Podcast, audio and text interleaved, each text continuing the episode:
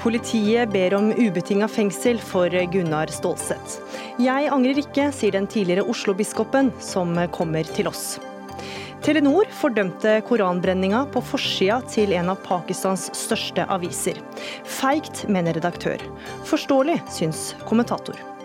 Det er dårlig både for mennesker og miljøet. Men Det internasjonale skiskytterforbundet vil ikke forby bruken av produkter som inneholder fluor. Hvordan kom de til motsatt konklusjon av Det internasjonale skiforbundet, spør vi. Og Redd Barna frykter uredelig politikerdebatt etter kritisk bistandsrapport fra Riksrevisjonen. Har aldri opplevd lignende, sier Arbeiderpartiets eh, Anniken Huitfeldt.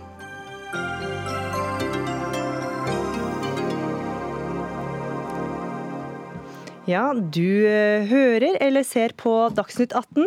Jeg heter Gry Veiby og skal følge deg den neste timen, der du også skal få høre at eh, vi menn faser ut midtsidepikene neste år.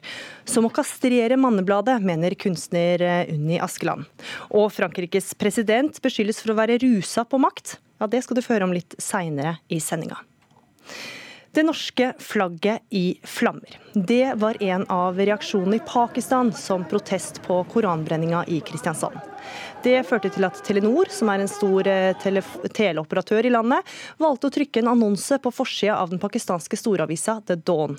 Der står det Vi fordømmer på det sterkeste besudlingen av Den hellige koran som skjedde i Norge, og fortsetter med å uttrykke vår dypeste medfølelse. Vi står solidarisk med våre medborgere og vil være forpliktet overfor millioner av pakistanere i årene som kommer. Sjefredaktør i den kristne avisa Dagen, Vebjørn Selbekk. Du syns Telenor er feige. Hvorfor det? Ja, jeg er kritisk både til det den norske regjeringa har gjort i denne saken, og også til det norsk næringsliv, her nå representert ved Telenor, har gjort. Jeg syns det er noe dypt ubehagelig over det at en eh, norsk regjering og norske næringsinteresser skal stå med lua i hånda og bli belært om ytringsfrihet og blasfemi i et sånt land som Pakistan. Vi må huske på hva slags eh, nasjon det her er snakk om. Det er et av de mest ufrie samfunnene i verden. Det er et land som har eh, dødsstraff for blasfemi. Man bruker blasfemilovgivninga til å forfølge kristne og til å lynsje og drepe ateister. For det å ikke ha en gudstro det er også regna som blasfemi i det landet her. Og Vi har ingenting å beklage eller ta avstand fra overfor eh, Pakistan en dialog med det landet om sånne spørsmål, det må handle om når de i all verden skal begynne å følge menneskerettighetene i det landet. De rettighetene som de også har forplikta seg internasjonalt til å følge, og det gjør de ikke. Mm.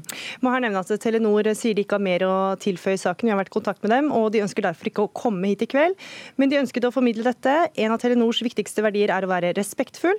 Mens det innebærer å respektere ytringsfrihet, betyr dette også å respektere andres religion og kultur.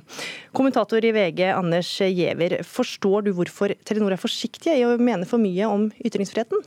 Ja, altså De mener jo ganske sterkt i denne saken, i denne annonsen, når de går ut og sier at de på det sterkeste fordømmer og sånt. Det er sterke ord de bruker. Men altså, øh, så at, at de later som de, de ikke mener noe, syns jeg er synd. Jeg syns det er synd de ikke stiller opp her og diskuterer dette. Men, øh, men det er ytringsfrihet også for Telenor.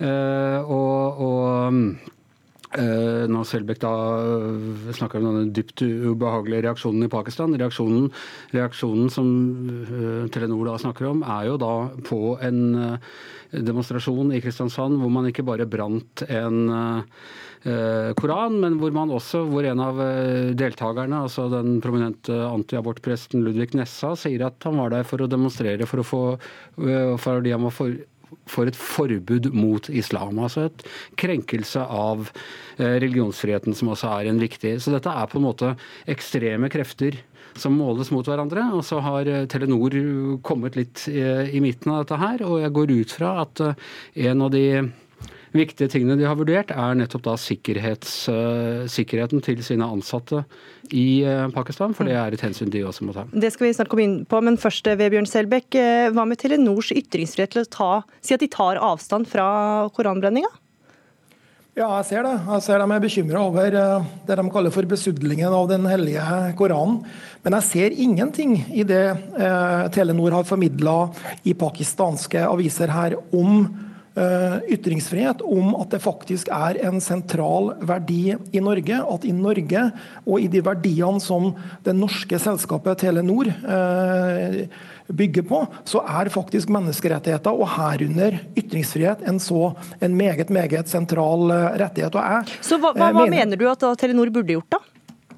Jeg mener at uh, man ikke uh, bør gå ut i hele tatt og mene noen ting om dette. her, I hvert fall hvis man ikke også samtidig understreke eh, at man står for eh, sentrale norske verdier, som er ytringsfrihet og andre menneskerettigheter, som kontinuerlig blir krenka i denne nasjonen. Og Jeg er opptatt av at vi må passe oss så, vi ikke, så ikke verdiene våre igjen blir en gissel for muslimske regimer, terrorister og ekstremister, sånn som de ble under eh, karikaturstriden. Jeg er redd for at vi er i ferd med å innføre en slags sånn situasjonsbestemt Men Selbekk, Selbek, dette er jo et selskap som skal selge et eh, produkt, ikke nødvendigvis eh, tale for ytringsfrihet?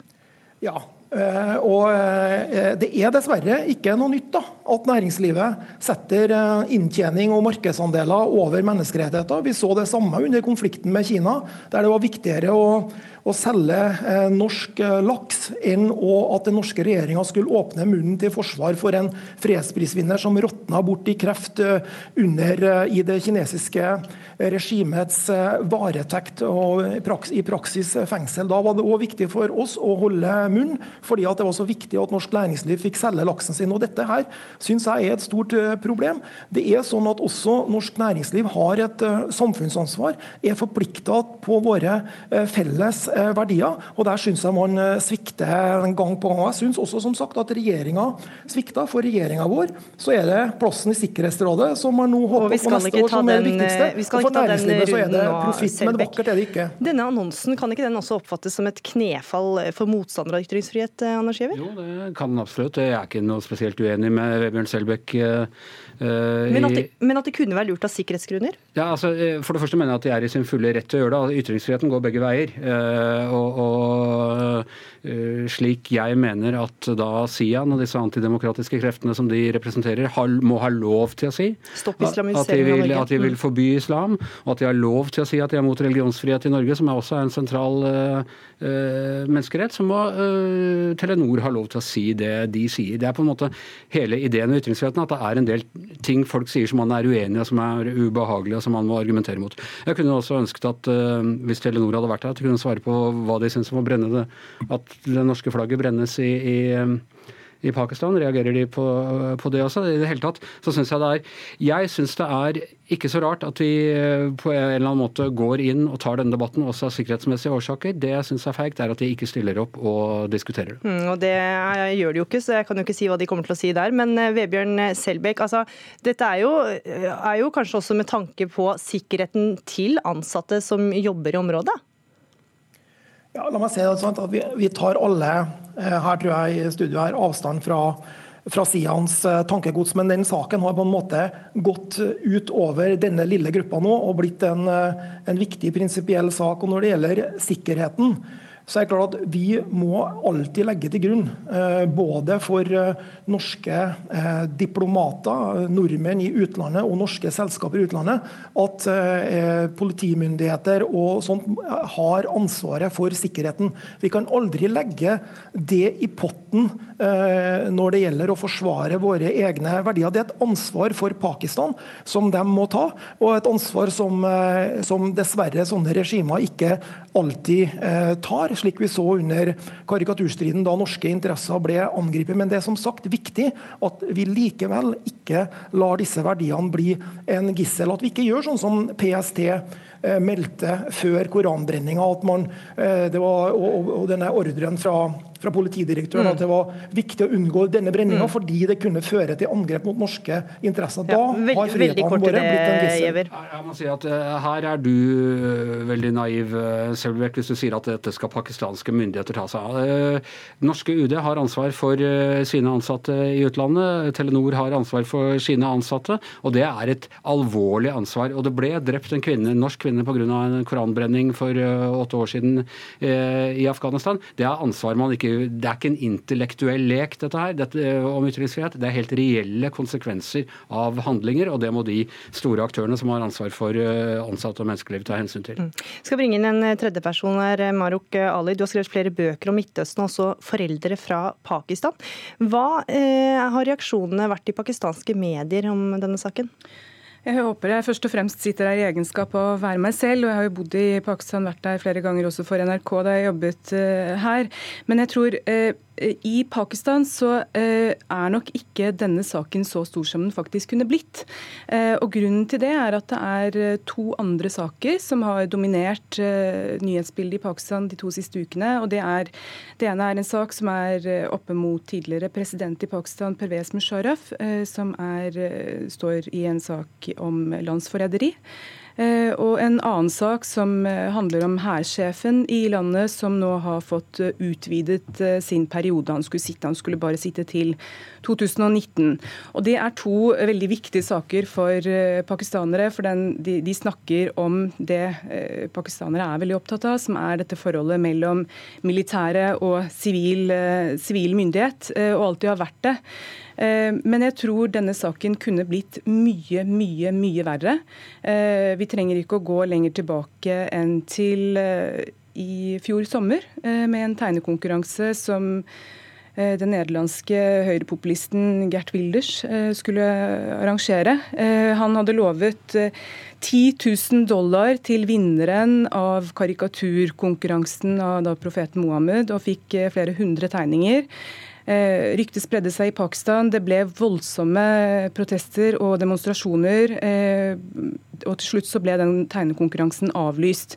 Så dette her, eh, denne saken mener jeg rett og slett at norske myndigheter på mange måter også kanskje nesten bare har vært heldig at eh, pakistanere har vært eh, opptatt med sitt. Og så må jeg bare legge til at når det gjelder blasfemiloven i Pakistan, så er de de aller strengeste i verden. Og det er en reell debatt som mange pakistanere ønsker å ta også, men klimaet er ikke skapt for det. Og denne type saker som vi ser nå, med koranbrenning mening. Det hjelper heller ikke i den saken og de kreftene som ønsker å endre på lovene der. Hmm. Men for de som reagerer, da, eh, som brenner norske flagget, hva, hvordan forklarer du denne eh, reaksjonen på at en liten organisasjon som Sian, Stopp islamiseringen av Norge, eh, at de velger å brenne en koran, blir så voldsomme at det norske flagget brennes i Pakistan?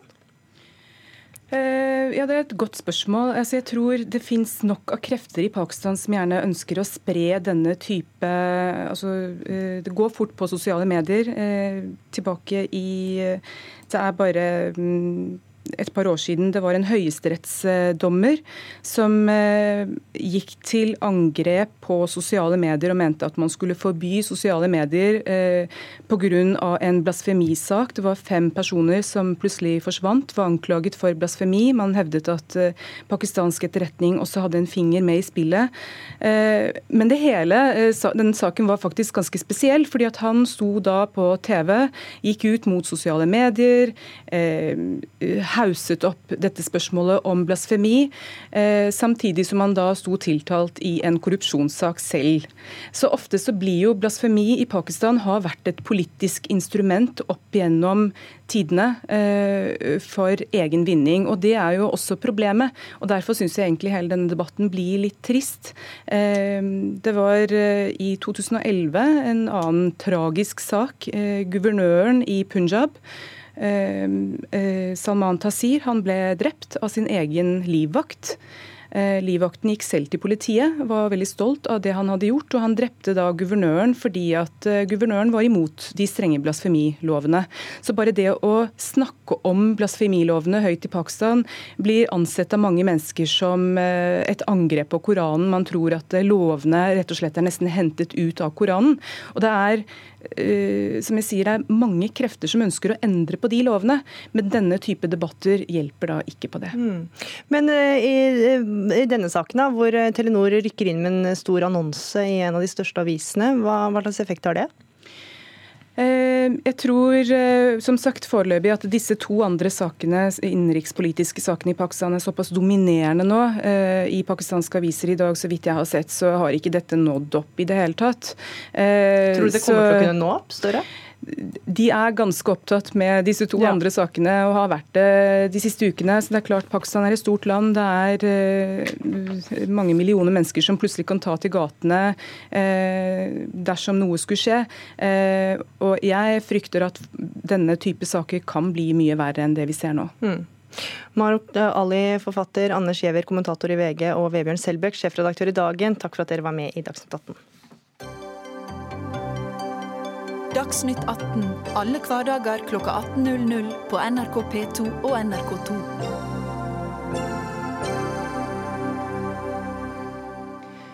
Frankrikes eh, president Emmanuel Macron kommer stadig med utspill som vekker oppsikt. Det siste er uttalelsen om at Nato-alliansen er i ferd med å bli hjernedød, som han sa i et intervju med The Economist.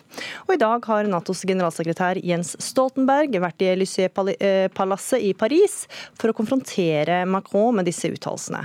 Og Korrespondent eh, Philip Lote, du er i Paris for å følge dagens møte. Hva vet vi om eh, det som har blitt sagt i møtet mellom Macron og Stoltenberg?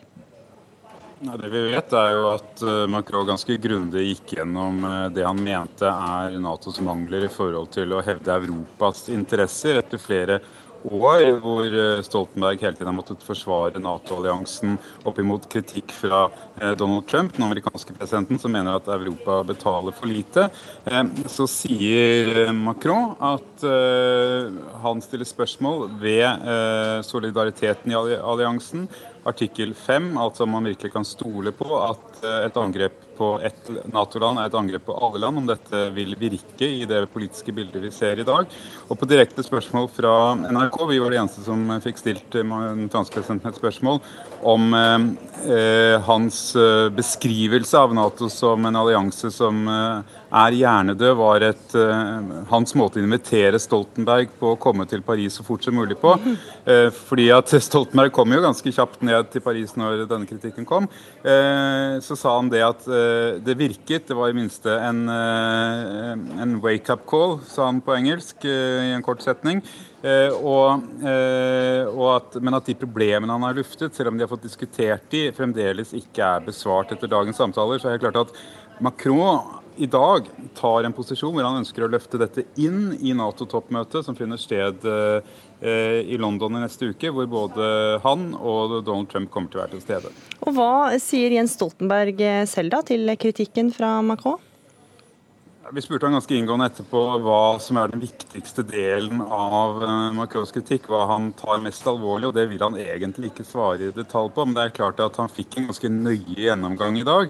Og for å ta det uh, litt punktvis, så er det jo det at uh, Macron mener at USA må slutte å prate om kun hvem som betaler i det politiske bildet i dag, hvis man ikke har en mer strategisk tilnærming til hva som er Europas interesser, hvordan Nato best kan forsvare Europa. Og Et veldig konkret eksempel, fordi Frankrike er eh, dypt opptatt av Midtøsten, de er dypt opptatt av Afrika, hvor de eh, mener de gjør, og også Nato-sjefen Stoltenberg mener at de gjør en viktig jobb i bekjempelsen av terrorisme, er at da eh, Donald Trump ensidig trakk amerikanske styrker ut av Syria, lot Tyrkia gå inn, så angrep de da altså kurdiske militser som hadde kjempet med USA og Frankrike mot IS.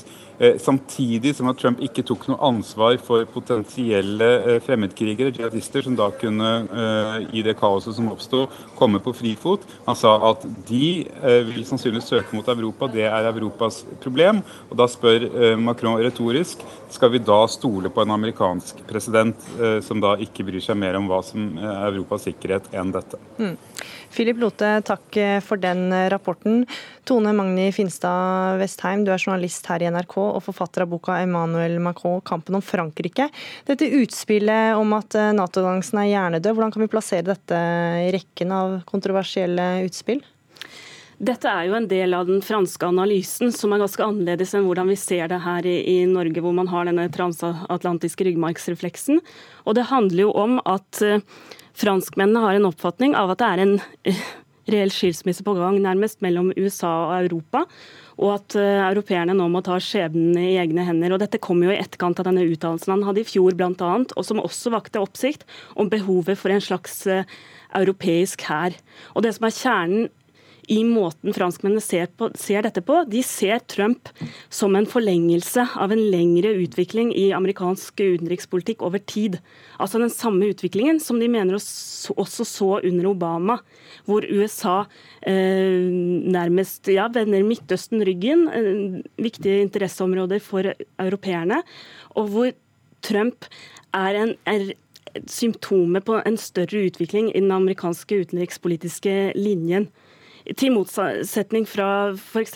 Tyskland, hvor man kanskje, det kan virke litt sånn som om at man tenker at eh, Trump på en måte er et mareritt som, eh, som man kommer til å våkne fra. Så fra Macrons side så handler jo dette om at man ønsker at i den omleggingen av den internasjonale verdensordenen som man ser nå, man ønsker ikke at europeerne skal bli et slags leketøy mellom hendene på USA og Kina. Man ønsker et Europa som, som, klarer å hevde sine egne interesser. Så den geopolitiske analysen til Macron som er helt essensiell for å forstå forstå dette utspillet. Hmm. Kåre Dahl Martinsen, professor ved Institutt for forsvarsstudier, IFS. Eh, hvem eh, vil du mene at eh, budskapet til Macron er retta mot? Ja, Det er ganske interessant. Er, jeg tror det er to publikum her. Det ene er uh, internt i Frankrike. At han er, som ble sagt nettopp, tegner seg i en lengre fransk tradisjon. Men det andre er at dette er en wake-up call for Tyskland. Og effekten av talene hans har blitt, eller uttalelsene hans til The Economist har blitt det motsatte av hva han kunne ønske seg. Fordi i går så, så man noe som er veldig sjelden, nemlig at Merkel kom nærmest med et følelsesutbrudd i forbundsdagen hvor hun sa at Nato var viktigere for Tyskland enn noensinne, inkludert muligvis under den kalde krigen. Mm. Og Tyskland har nå gått ut og sagt de vil ta en større andel av finansieringen av Natos felleskostnader. Dvs. Si at de nå betaler like mye som USA til Natos fellesbudsjett, altså driftsbudsjettet for Nato i Brussel. Eh, eh, og det som er interessant her, var jo at, at Macron har hatt helt rett i at det har vært manglende det han kaller strategisk kommunikasjon på tvers av Atlanteren. Men Macron har selv nå tatt noen initiativ som vitner om at det ikke har vært noen kommunikasjon med noen andre enn seg selv i det hele tatt. Det ene var å invitere Putin til et opphold på eh, franske middelhavskysten hvor han, man diskuterte det europeisk sikkerhetspolitikk. Der var ingen andre konsultert. Og det andre er nå dette utspillet her om at, at Nato er hjernedød, som også ble tatt helt ganske alene. Og Det det har trigget, da, det er at endelig at man har våknet i Tyskland, og den tyske utenriksminister Maas har sagt at man skal nå nedsette en ekspertkommisjon i Nato som skal se nærmere på Natos utfordringer. Og Det man kommer frem til der, er garantert ganske annerledes enn det Macron nylig har sagt, hvor han sier at Nato, eller den største fienden, trusselen vi har, det er ikke Russland, men det er et internasjonalt terrorisme. Altså Det er jo vanskelig å rangere trusler her, fordi Russland er for flere av Natos medlemsland en eksistensiell trussel. Hvis du går til Baltikum eller til Øst-Europa, så er ikke terrorisme det de er bekymret over, det er Russland. Og Det Macron nå gjorde da for å formidle dette budskapet, var å ha en lengre samtale med den ungarske eh, statsminister Orban, og hvor han ville at Orban skulle være en visegutt og gå til polakkene og prøve å overbevise polakkene om at det var ikke Russland som var hovedutfordringen. Det første Orban gjorde da denne samtalen var ferdig, var å si at dette kommer jeg ikke til å gjøre, mm. fordi jeg er dødfødt. Mm. Men noen mener jo at han opptrer som Putins nyttige idiot? Ja, det, det kan jeg Det er kanskje å ta litt hardt i, for man skal ikke underkjenne Macrons eh, evne til strategisk tenkning likevel. Eh, men det Macron har gjort, da, som har vakt noe oppsikt, det er at han har, Putin har sendt ut et brev til, eh, til Natos medlemsland hvor han foreslår et moratorium, altså en stans i utplasseringen av mellomdistanseraketter. Mm. Og det er, det er et pussig brev, fordi alle i Nato, Frankrike inkludert, er enige om at det er Russland som har brutt denne avtalen, IMF-avtalen. Eh, eh, så derfor, at Putin nå sier at han skal ikke utplassere noen, det er på en måte bare tull, fordi det har de allerede gjort. Mm. Vi må gå tilbake til eh, Macron igjen, Westheim. Altså, han beskyldes for å være rusa på makt. Hvilke ambisjoner har han i verdenspolitikken? Nei, Det er jo utvilsomt at han har store ambisjoner. Han føyer seg jo inn i den franske tradisjonen med at man har denne ønsket om å pushe over sin egen, bokse over sin egen eh, vekt på den internasjonale scenen. og Det er jo en, en lengre fransk tradisjon for det. Så er, men så er det jo sånn at uh, de Gaulle Vi kan jo bare minne om at han kan minne litt om Charles de Gaulle, ikke sant? den legendariske, hvor man hadde denne her at ikke franskmennene skulle være USAs vasall, nærmest. Men, men det, verden er jo betraktelig endret siden den tid. Og Frankrike er jo nå i realiteten en, en mellommakt i verdensbildet. Men det er jo viktig å få med seg at Frankrike er jo ekstremt viktig når det gjelder forsvar, forsvarsmuskler i mm. Europa, sammen med britene. Der har jo ikke Tyskland på samme måte den, den posisjonen. Så det er jo denne vendingen mot et Europa som altså bekrefter seg selv, ikke bare på økonomi, men også som en reell geopolitisk spiller, og med forsvarsmuskler, som er viktig å få med her. Mm. Det, det, er selvfølgelig helt riktig det at, eh, at, Frankrike er nå den eneste landet i EU igjen med militær slagkraft. og Det har eh, Macron brukt for alt det er verdt også, ved å liksom posisjonere seg som en europeisk leder. Men han har også snakket om forsvaret for europeiske verdier. Mm. Og Da er det jo litt interessant at i går så undertegnet uh, i går eller i dag så undertegnet Trump denne fordømmelsen av den kinesiske politikken i Hongkong. Det har så vidt meg bekjent ikke Macron gjort ennå, fordi han er redd for at det vil skade franske næringsinteresser. Så det er ikke så enkelt som Macron vil ha det til heller. Og 3. og 4. desember er det Nato-toppmøte i London. Takk for at dere var med i denne omgang. Tone Magni Finstad Vestheim, Kåre Dahl Martinsen og Philip Lote, som er korrespondent.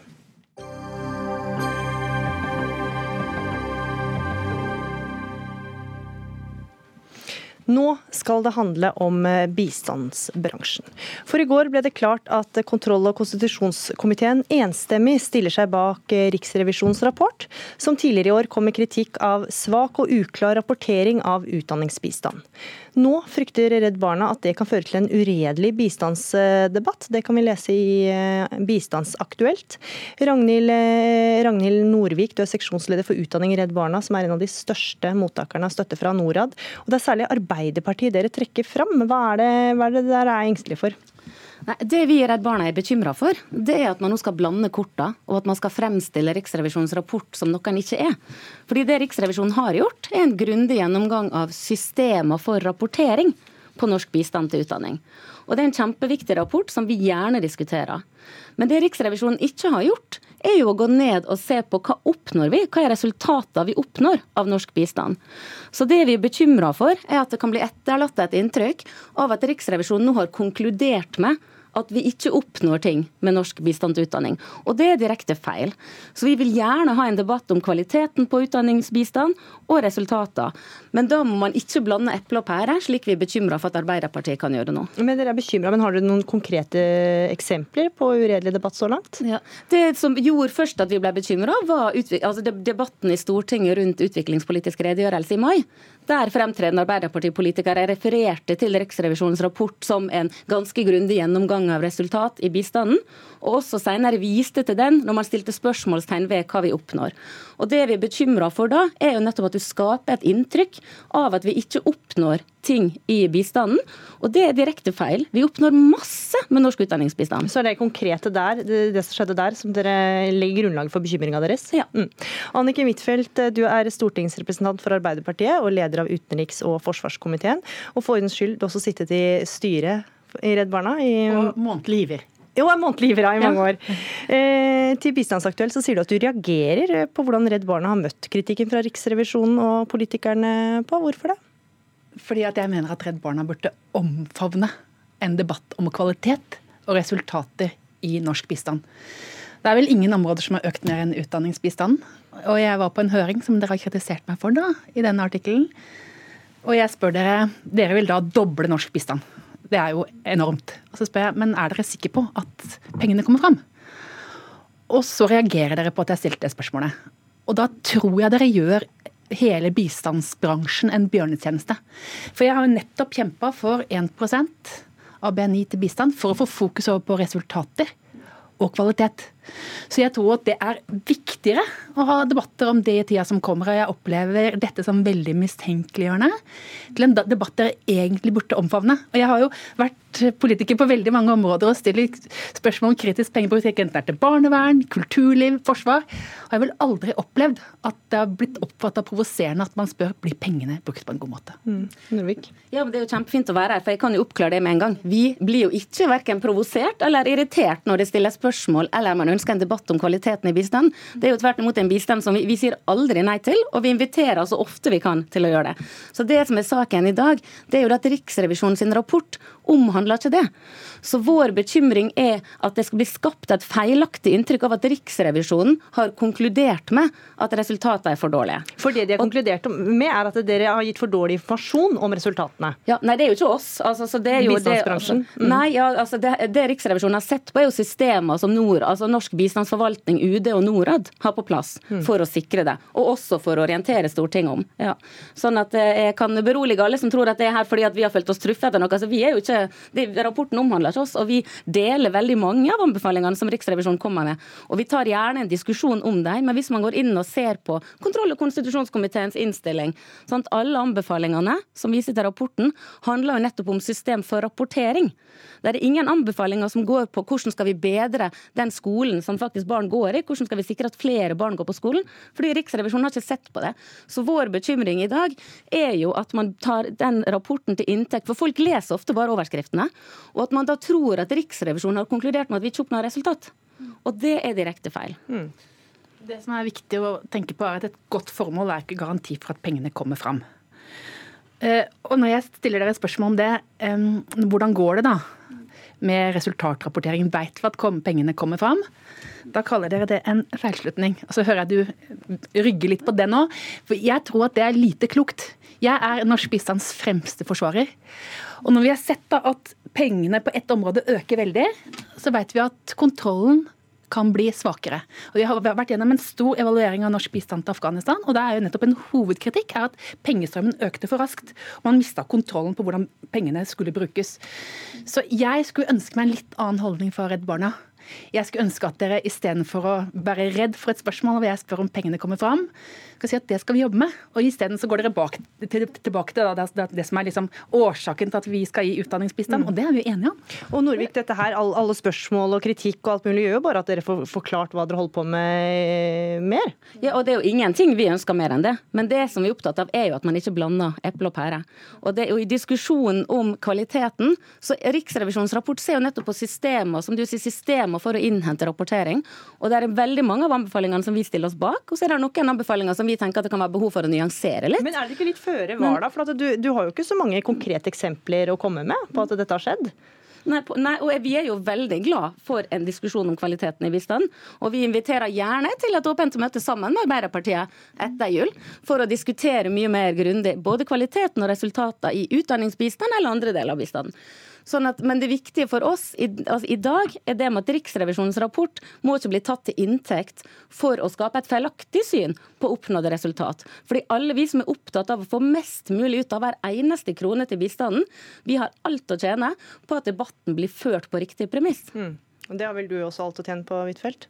At debatten blir ført ja, på riktig premiss? Ja, jo Anniken Huitfeldt og Arbeiderpartiet i alle vi som er interessert i det, og Arbeiderpartiet absolutt interessert i. Ja, og det er Så... det som kommer fram i Riksrevisjonens rapport det har jo en enstemmig kontrollkomité slutta seg til. At det ikke er nok læring av resultater. At det ikke er godt nok resultatinformasjon. Og Det nevnes jo eksempler på skole i Nepal hvor man har rapportert inn feil antall barn. Det er jo ganske alvorlige ting. Og jeg er vant til da at når man får en rapport fra Riksrevisjonen, selv om man er uenig, så møter man det med ydmykhet og sier dette må vi faktisk rette opp i. Istedenfor å skyte på de, som bl.a. Eva Kristin Hansen, som sitter i kontrollkomiteen, og som deltok i denne utviklingsdebatten i vår, tok opp denne kritikken, og så skyter man på henne. Jeg hadde ønsket meg en litt annen holdning. Jeg opplever det som en litt, en litt rar reaksjon fra Arbeiderpartiet. fordi at, altså, Mitt spørsmål da er jo, Tenker dere at Riksrevisjonen har konkludert med at vi ikke oppnår resultatet av bistanden? Som, som, er det som ble sagt, sagt, i debatten i mai. Fordi at Det er der vi mener at man blander eple og pærer, for det er ikke det rapporten ser på. Sånn at vi oppnår masse gjennom utdanningsbistand. Altså Bare vi i Redd Barna har nådd en million barn med skolebistand bare med Norad-støtte de siste fire åra. Vi har klart å fordoble andelen barn som lærer å lese og skrive. Sånn at vi vet at vi oppnår masse med utdanningsbistand. Og Riksrevisjonen peker på kjempeviktige ting rundt systemer, men kan, vi kan ikke konkludere noe om hva resultat vi oppnår, basert på rapporten fra Riksrevisjonen. Nei, Det er fordi at dere er for svake på resultat rapportering, og det gjelder alle. Og det er jo kjernen her. Jeg har selvfølgelig lest eh, Riksrevisjonens rapport. Jeg har jo heller ikke ønsket å kutte på vårt budsjettutdanning budsjett til utdanning. Snarere tvert imot så støtter jeg den økninga som har vært. Men jeg som er glad i norsk bistand, jeg skal være den første til å stille kritiske spørsmål.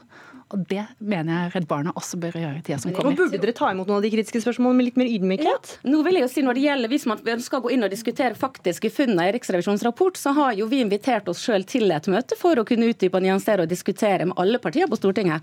Og vi har ikke fått svar fra Arbeiderpartiet. Så vi ønsker jo faktisk, og vi har stilt oss til rådighet og ønsker å diskutere de konkrete funnene. Sånn at vi opplever ikke at vi har prøvd å rømme unna en debatt. Tvert imot så har vi prøvd å nå ut. Og vi har bare fått svar fra to partier, men ikke fra Arbeiderpartiet. Mm. Så vi ønsker absolutt den diskusjonen her, men vi er opptatt av at man ikke skaper et feilaktig bilde basert på den rapporten her. Og det er vi bekymra for, fordi vi vet at folk bare leser overskriftene. Og det har du fått sagt nå, Ragnhild Norvik, seksjonsleder eh, for utdanning i Redd Barna. Takk for at du var med i Dagsnytt 18. Takk også til deg, Anniken Huitfeldt, stortingsrepresentant for Arbeiderpartiet og leder av utenriks- og forsvarskomiteen.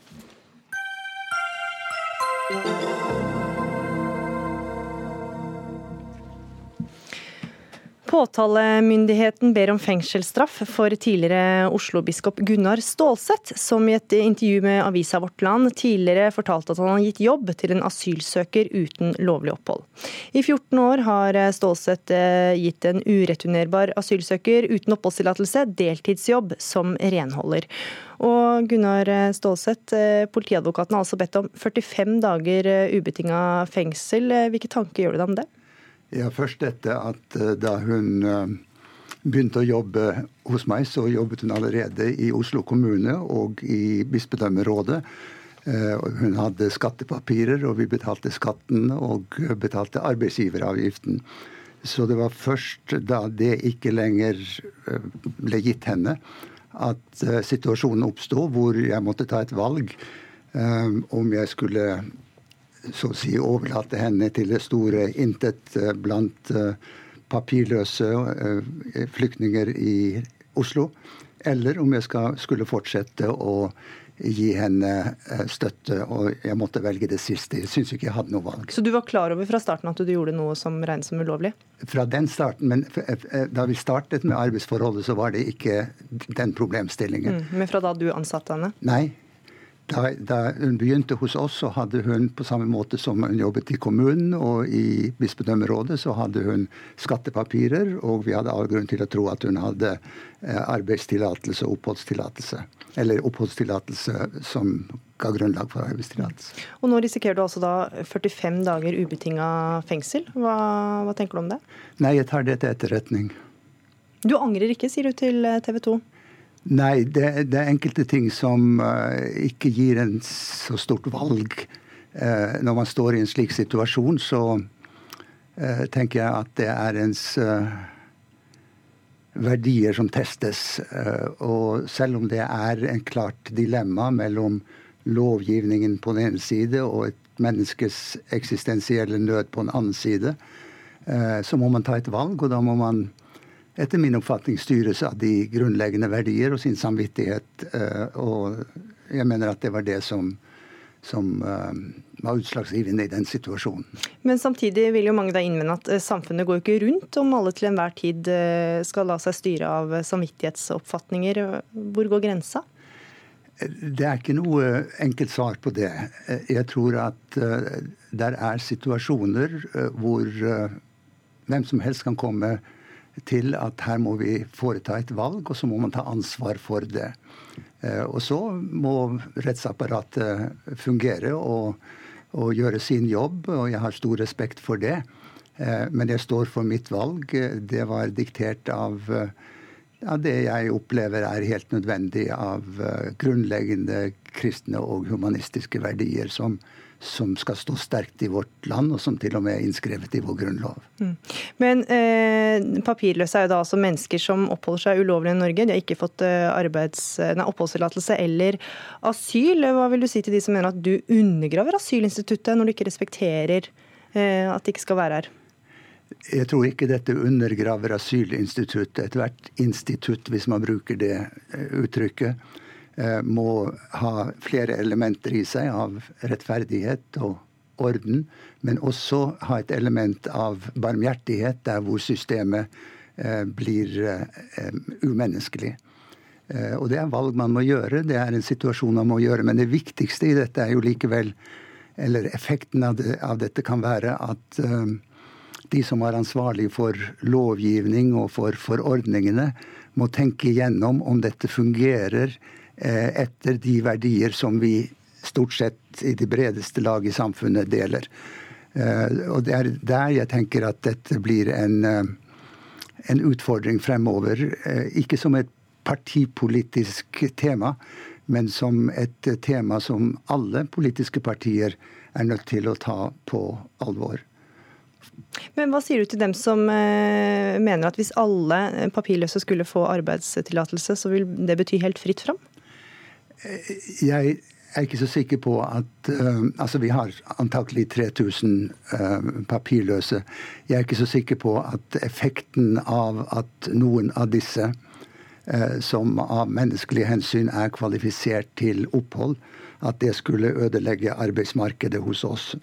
Eh, snarere tvert imot så hører vi at eh, Men av menneskelige hensyn er kvalifisert til opphold, sier du. Men de har jo faktisk ikke fått opphold hvis du er papirløs? Ja, men det er det vi snakker om, og jeg mener at det er det man må sette søkelyset på. Eh, grunnen til at man er papirløs, det er ikke sikkert at den er holdbar i alle tilfeller for de 3000 vi har her. Og hvis man da peker på et slikt argument som, som det du uh, anførte, om konsekvensen for hele asylinstituttet, så tror jeg at uh, det står sterkere enn at et uh, eller flere unntak etter gitte kriterier og god fornuftig overveielse at man aksepterer at det også hører med. Det er et grunnleggende prinsipp i samfunnet. Rettferdighet er det, men det er også Eh, rettferdighet hvor det er rom for barmhjertighet. Og noen ganger så må man skjære igjennom, også i samfunnet, og si at her må vi gjøre unntak. Og der er en slik gruppe. Jeg kan jo nevne at i, i uh, Granavolden-erklæringen så er det uh, en setning om at de uh, uh, ureturnerbare. At man må foreta en vurdering av deres situasjon. Og man nevner da de som har vært 16 år i landet og er eldre. Uh, det har ikke skjedd noe siden det ble skrevet inn, men jeg syns likevel det er viktig, fordi da er det en bred politisk allianse bak det.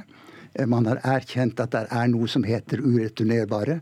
Og det vet vi også etter internasjonal lov og rett at det er et anerkjent begrep. Og da må vi prøve å finne måter å løse det på som Eh, som er i overensstemmelse med folks rettsbevissthet. Mm, men enn så lenge så er jo ikke det løst, så enn så lenge er jo det du har gjort ulovlig. Eh, Jon... Ja, og det er derfor jeg er anklaget mm. for retten. Så er, jeg, jeg, jeg, disputerer ikke om at det er ulovlig eller ikke. Det er ulovlig. Jon Helgheim fra Fremskrittspartiet omtaler det du har gjort for en hjerterå handling, for det tar oppmerksomheten bort fra asylsøkere som virkelig har behov for hjelp. Hva sier du til det? Ja, Det er et retorisk eh, grep som Eh, man ikke kan si så mye til. Altså, det er hans mening om det. Men jeg ser ikke dette som en sak fra min side først og fremst rettet mot Fremskrittspartiet og deres retorikk på dette området, men jeg ser det som en utfordring til alle oss i samfunnet å finne en løsning Eh, som vi kan stå rakrygget med i framtiden. Mm. Gunnar eh, Stålseth, takk for at du var med i Dagsnytt 18. Du har altså erkjent eh, straffskyld, og saken vil gå som en tilståelsessak i tingretten, som også da trolig vil gi strafferabatt. Takk for at du kom til Dagsnytt 18. Hør Dagsnytt 18 når du vil. Radio NRK Radio.nrk.no.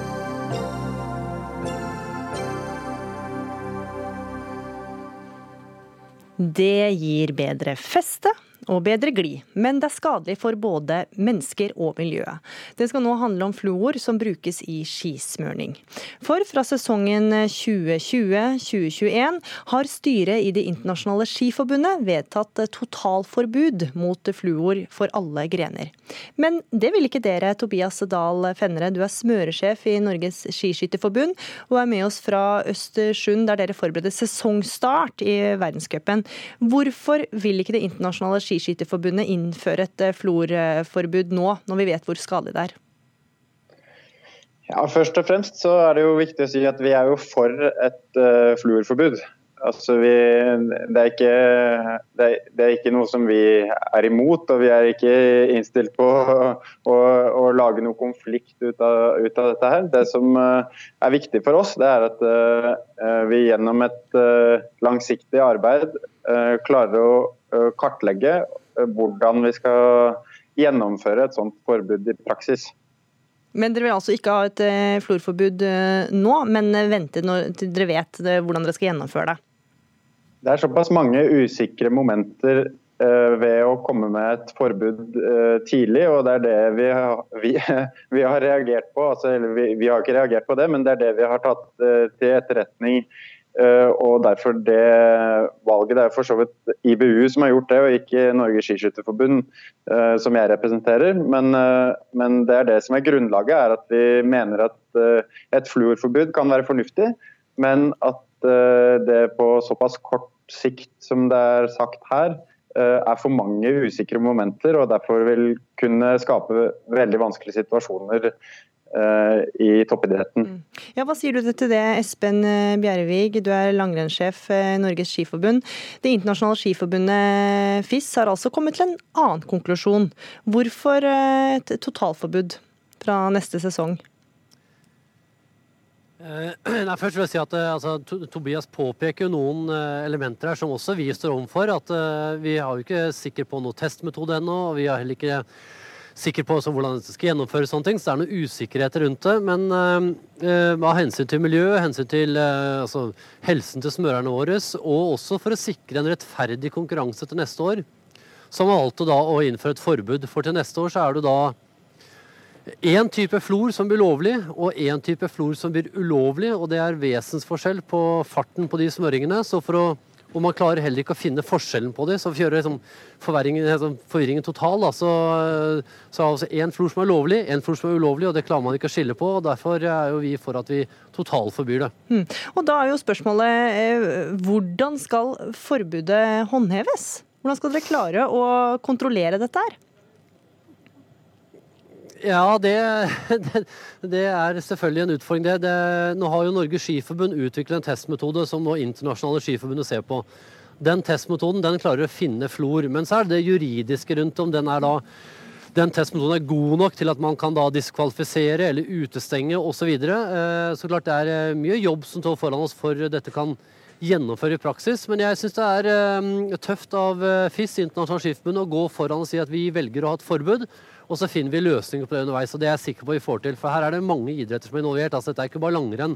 Dette gjelder jo alpint og hopp og kombinert og freeski også. så så um, jeg har troa på at vi klarer å finne løsning innen sesongen starter neste år. Mm, ja, Fenre, Hva tror du om det, å finne løsninger innen sesongen starter neste år? Jeg håper de klarer det. Så jeg håper at, uh, at man klarer å lage et system eh, rundt det, ikke bare i forhold til testingen av uh, om det er fluor eller ikke under skia, men også må man jo uh, lage et system i forhold til hvordan disse reglene skal håndheves. altså Hva slags regler skal gjelde, hvem skal ha ansvaret for en eventuelt positiv test. altså et scenario for eksempel, der eh, en løper enten blir nekta å starte eller, eller blir diska etter et løp, hvem er det som da skal stilles til ansvar for dette?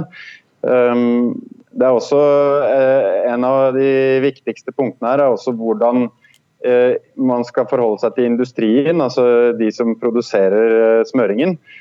Eh, per i dag så er det veldig veldig få eh, produsenter av skismøring som vil kunne garantere for at sin fluorfrie smøring er helt uten fluor.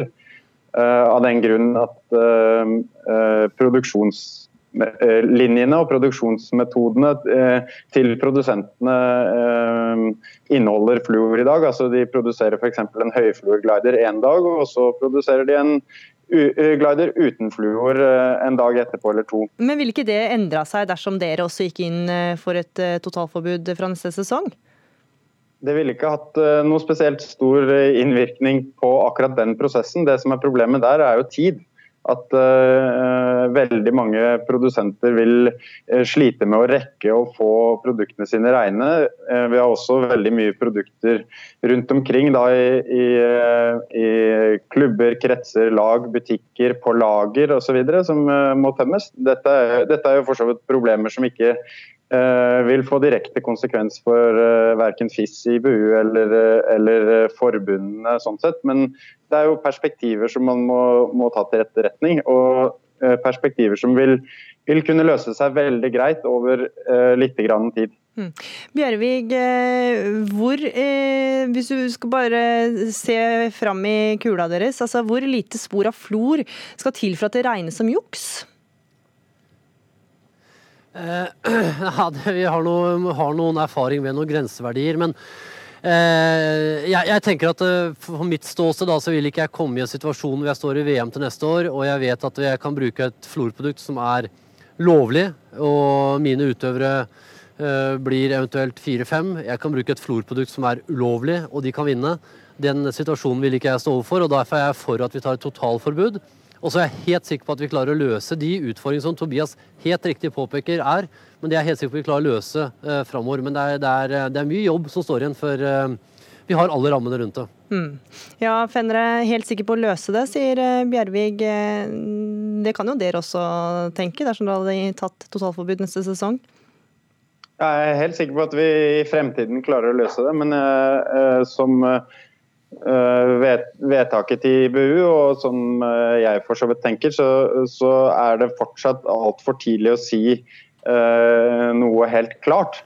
Altså, vi, vi, det er for mange ting som er usikkert til at man i dag kan si at vi eh, vil ha et forbud eh, fra neste sesong. Mm. At uh, tidsfristen er for kort. Altså, vi, vi ønsker gjerne et, et, forbud mot fluor, men som uh, IBU da har uh, beslutta å, å, sette ned en arbeidsgruppe med eksterne og helt sikkert også interne deltakere som vil gå dette tettere i sømmene, holdt jeg på å si, og, finne, og, og, eh, kartlegge hvilke utfordringer vi kommer til å få, og hvordan man skal løse de, sånn at man unngår situasjoner som uh, vil kunne bli ubehagelige. Nå er det jo nå er det jo sånn Bjervik også sier her, at vi, kommer uansett til å havne i situasjoner som, som, blir spesielle, i og med at EU da kommer med et forbud mot Eh, noen typer fluor, men mm. Eh, et, eh, det, det, handler jo først og, fremst, først og fremst om import og produksjon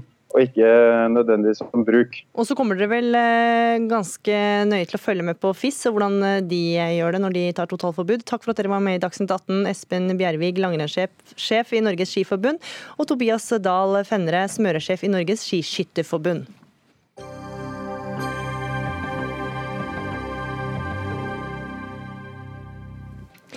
Siden 70-tallet har hun vært der, med bare pupper og et inviterende blikk. Men neste år vil ukebladet Vi Menn fase ut de toppløse midtsidepikene. Det varsla redaktøren denne uka. På tide, er det kanskje mange som tenker, men eh, dette blir som å kastrere Vi Menn, sier du, eh, kunstner Unni Askeland. Hva mener du med det? Nei, jeg syns jo egentlig at det blir da et Altså, Mannskulturen er spennende, mannskulturen er kul, og jeg tror nå kanskje ikke at uh, herr redaktør her har lyst til å gjøre dette. Jeg tror mer eller mindre at det kanskje er et press fra utenfra eller et eller annet som gjør for å gjøre bladet kjedeligere. Ja, for du, for du tror vi menn kommer til å bli straffa for dette? Hvordan da? Jeg tror at da blir det jo mindre Mindre lesere? Mindre lesere, kanskje. Og det er jo litt synd for disse jentene, da, disse damene som ikke får lov til å vise seg fram på den måten de har lyst til. Lars Erik Oterhals, du er redaktør og målgruppesjef for området Mann i Egmont. Hva sier du til eh, Askelands påstand her om at det blir å, som å kastrere bladet? Det er, jo, det er jo, litt eh, For det første er det veldig morsomt å være her og, og diskutere dette. Og så syns jeg det blir litt spesielt det at vi skal sitte her og å måtte forsvare nesten noe som vi opplever som en sånn fordummelse av menn. Eh, det vi ser, det er at våre lesere de ønsker aktualitet, reportasjer og opplevelser som vi gir dem. Og det er leserne våre vi lytter på, fordi de sier at det er andre ting de liker bedre i Vi menn enn eh, Midtsidepiken, som har vært med oss gjennom en årrekke. Men hvorfor har dere ikke gjort det før, da? Hvis leserne deres vil ha mer innhold og flere reportasjer og annet? annet? Ja, Vi gjør det jo nå. Nå skal den fases ut, og i 2020 så blir den borte. Eh, det har vært en identitetsmarkør for vi menn, har vært det for eh, mange manneblader rundt omkring i den store verden. Men vi ser det nå, at eh, vi velger den bort, og vi skal fylle bladet med andre ting. Mm. Og vi har testa dette litt da, og følt oss litt frem i høst og gjort andre typer saker, eh, som skriver eh, og viser frem bilder av eh, kropp. Vi skriver om seksualitet eh, og ting som opptar menn, men på en annen måte enn denne spalten sånn den har vært. Så Askeland, det høres jo ikke ut som det er et uh, skrik fra abonnentene her, at det skal være nakne damer i avisa eller Nei, nei, ukeblad? altså, det er jo helt greit, altså, det han sier og alt det der, at, at, han føler at vi ser ned At det, det er å se ned på mannskulturen. Det har jo egentlig ingenting med det å gjøre i det hele tatt. fordi det er en slags sånn pin-up-tradisjon som kommer jo Som er langt, altså, som har lang historie i, både i Hollywood og andre steder. Og et magasin også som jeg liker veldig godt. da. Det kan godt hende at jeg er en mann i dameklær. Nei, damekostyme. Jeg bare tuller. Eh, Penthouse, for eksempel, som også har gått fra å ha altså mykporno til litt mer porno til disse andre sånne ja, altså nakne damer og sånn, men alltid meget interessante artikler, som til og med jeg leser, eller har lest. Og, men dette er jo altså jeg vet ikke hva det er spørsmål om. Jeg, altså, jeg tror at det var i, i utgangspunktet et feministisk stunt. Det å kunne vise seg fram på den måten. At dette var litt sånn, at det var understøttet også, også det, da, at damene egentlig likte det. Altså, det er jo sånn også at Jeg kommer jo fra Jessheim og, og, og er oppvokst der. Og de fleste av modellene da er jo også en, ganske mange modeller som kommer fra Jessheim. Stemmer det om midtsidepikken deres? Hvor de kommer fra skal ikke gi, har ikke Nei. noe fakta på, Jo da, men men- eh, det har vært utrolig mange som har stilt opp da, i, i disse er- årene. Men, men Unni Askeland, altså, mange vil jo si at det er litt sånn utdatert å vise puppene sine. Jo, men hva er galt med det, liksom? Og, og etter internett, hvorfor kan ikke heller disse er leserne som har så eh, lyst til å se skje pupper nå, da, hvis alle, alle skal begynne å ta det vekk da, fordi det er støtende, eller fordi det er uinteressant, eller fordi det er kjedelig, eller fordi man ikke kan på en måte vise dette fram, så kommer jo alle til å gå på internett. ikke sant? Og det, det gjør jo folk. Hvor mange Pornhub har så mange hits i minuttet at det er helt det er psycho, liksom. Og det er fra altså, Og det er fakta. altså Det kan være fra tolvåringer oppover til 80-åringer. liksom. Så, det- så midtsidepiken har også en funksjon at de holder menn unna Altså, det kan ha den funksjonen også, kanskje, men det er kanskje litt eh, lite spennende. Da. Det er liksom noen wet T-shirts og litt sånne ting. Men jeg vil at den pinup-tradisjonen egentlig skal få lov til å bestå, da, som en sånn jeg, jeg, altså, jeg er kunstner, da, ikke sant. Jeg har jo sett dette her eh, Altså, jeg har malt modeller siden tenårene. Jeg har Og du har vist eh, mye i nakenhet selv også, både i kunsten og deg selv. Å ja da. Er det ikke fint? Tross kroppsfasong og andre ting. Så det er en ting som er veldig viktig for oss eh, i Vi menn å si at vi skal ikke slutte å være ukorrekte, og vi skal ikke bli kjedelige. Eh, Og det handler ikke om at vi ikke vi vil vise, eller skal eller kan vise nakenhet eller kropp, men det er måten vi gjør det på. Altså, Måten eh, denne pinup eller midtsidepiken har vært en del av denne typen manneblad gjennom eh, lenge, den skal ikke vi drive med inn i fremtiden. Men vi skal kunne skrive om, om Nei, det ja, på en men, annen men måte. dere skal ikke drive med det i fremtiden, men, Men dere skal faste det ut. Hvorfor ikke bare Dere sier at dere skal faste ut. Det kommer jo ikke til å slutte over natta, dette her. Hvordan skal dere fase ut? Skal det være litt og litt mer klær, eller hvordan, er det dere skal, hvordan skal denne overgangen foregå? Det vi har gjort i høst, det var det at vi har, eh, vi har tatt ned frekvensen på denne faste spalten. Det betyr at den har ikke vært der hver uke, fordi vi ville få tilbakemeldinger fra våre lesere. Eh, Vi har hatt andre typer eh, saker, f.eks. en som jeg har foran meg her nå, hvor vi har gjort en mer reportasje om, om kvinner Litt som sexatleter. Ja.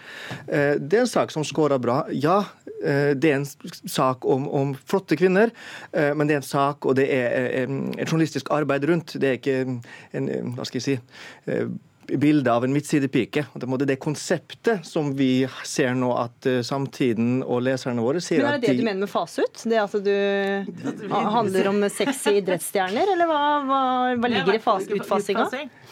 Med var ikke dette nummeret, og det har den ikke vært, eh, vært At det blir kanskje annenhver eller hvert tredje nummer, også. Hvorfor ikke bare slutte med en gang, da? Vi har testa det opp mot brukerne våre. De har sagt Mm. at det er andre ting de heller vil ha. De vil ha store maskiner, de vil ha skip, de vil ha forklaring på hvorfor. Altså typiske manneting, da. Og det som forundrer meg litt grann her, er jo det at eh, vi får nesten sånn der bilde på at menn må ha nakne kvinner for å være et manneblad, men sånn er det altså ikke. Våre lesere de ønsker andre ting, og de ønsker å forstå, bli forklart og få opplevelser. Jo, men det som er greia er at her får du alt, da. Du får også lettkledde kvinner, vakre kvinner. Og det vil du fortsatt få, men i en annen innpakning. Ja, nå skal du altså fases ut. Takk for at dere var med, Unni Askeland, Lars Erik Oterhals. Dagsnytt 18 overgang for denne gang. Dag Dørum, Hilde Tosterud og Gry Veiby takker for følget.